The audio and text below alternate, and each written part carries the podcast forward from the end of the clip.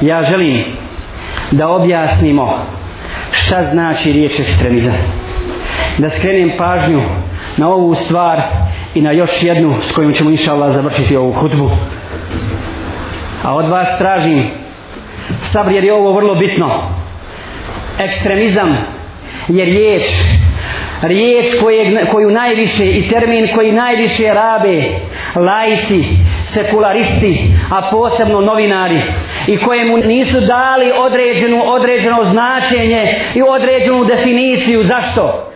Samo zato da bi ga mogli koristiti onda kad im odgovara i onda kad im treba. Tako da danas mogu jednu skupinu nazvati ekstremistima a sutra tu istu skupinu mogu svrstati među najveće patriote i najbolje ljude.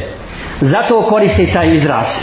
Danas ekstremistima nazivaju islamske alime, daje, muđahide i one koji se bore na Allahovom putu. One koji su najnormalnija stvorenja danas na zemlji koji su najnormalnija stvorena na zemlji, njih nazivaju ekstremistima. I onda ih svrstavaju pod jednu zastavu, pod zastavu terorizma, kojega također nikada nisu definisali ni objasnili, nego je danas terorista svako onaj ko se bori za islam, ko poziva u islam. I onda na taj način skreću pažnju narodu. Kroz novine, kroz televiziju, pokazujući slike slike ljudi koji liče na, na insane, koji liče na prave muslimane i kad to su ti, to su ti od koji se trebate čuvati.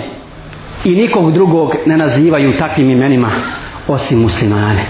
Ni židove, ni židove koji ubijaju muslimane u Palestini, koji su uzurpirali muslimansku teritoriju, koji kolju muslimansku djecu, ni Srbe ni Hrvate, ni krstaše ostale, koji su pravi teroristi, niti države koje su pune terorista, onih istinskih terorista i ubica svega onoga što je dobro i što je ljudsko.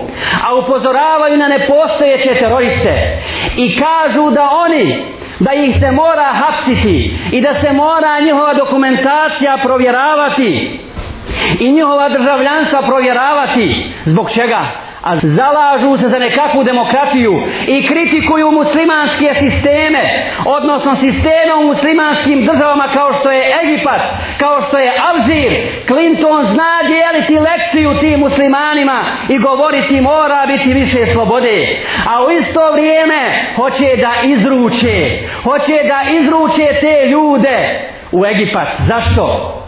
Kad znaju svi na Dunjaluku da je u Egiptu zločinački tagutski režim koji takve vješa koji znaju da svi pametni ljudi svi ljudi koji razmišljaju svojom glavom moraju bježati iz tih država da bi spasili goli život i oni ih vraćaju njima.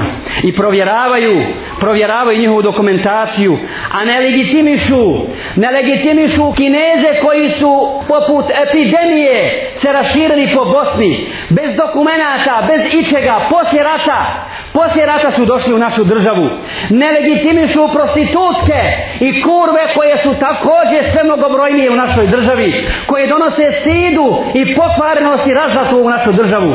Ne legitimišu i ne hapse dilere koji rasturaju hiljadama kilograma droge na jedan dan takve ne hapse.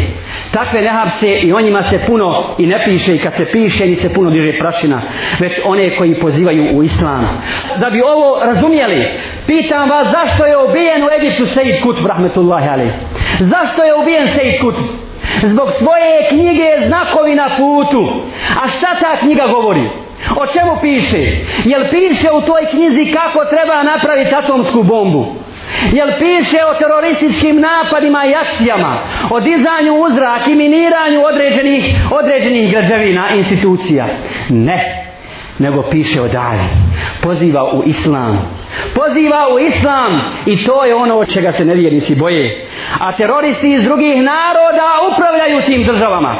Upravljaju tim državama. Što niko ne hapsi Mitterana koji iz Francuske, tog fašistu, tog krstaša koji je sudjelovao u genocidu nad muslimanima u Bosni. Što niko nije uhapsio onog generala Mekenzija koji kafira, kafira, kršćanina krstaša koji je silovao stranke ovdje u Sarajevu. Niko njih ne hapsi. Što niko ne hapsi i ne kaže da je terorista židovski pas šarov koji sad vodi tu državu, koji vodi tu stvorevinu židovsku u Palestini. Njih niko ne hapsi. Šta je cilj, braće, s ovim? Šta je cilj? Ovo je ono što sam ja na kraju želio da kažem. Cilj je da se muslimani međusobno zavade. Cilj je da se od Bosne napravi Alžir. Da se od Bosne napravi Alžir. I ta akcija je inscenirana i tako urađena na tako vandalski način ne bi li neko ubio jednog policajca muslimana koji se zove musliman. Ne bi li ga neko ubio da nakon toga četnici, ustaše i bošnjaci zajedno stanu u jedan saf i da se bore protiv koga? Protiv ovih izmišljenih terorista da se zajednički protiv njih bore, da se zaboravi genocid, da se zaborave sva ubijstva i sve ono što se desilo muslimanima na ovim prostorima. To je bio cilj ove akcije i sličnih akcija. I braćo, druga stvar na koju želim upozoriti jeste da su muslimanski životi danas u opasnosti. Da muslimanske glave su postale jako jeftine. I to treba tim munaficima i tim kjafirima dati do znanja Treba im dati do znanja da muslimanske glave nisu jaštine kako oni misle. I da neće moći da se poigravaju s muslimanskom čašću i s muslimanima onako kako su se nekada poigravali. Treba im dati do znanja.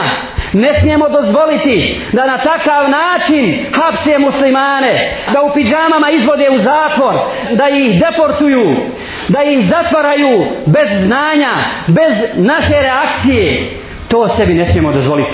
Ako smo mu'mini, ako smo ljubovni prema Allahu i vjeri, i ako se volimo u ime Allaha Đalešanuhu. I zato upozoravam da trebamo pratiti situaciju.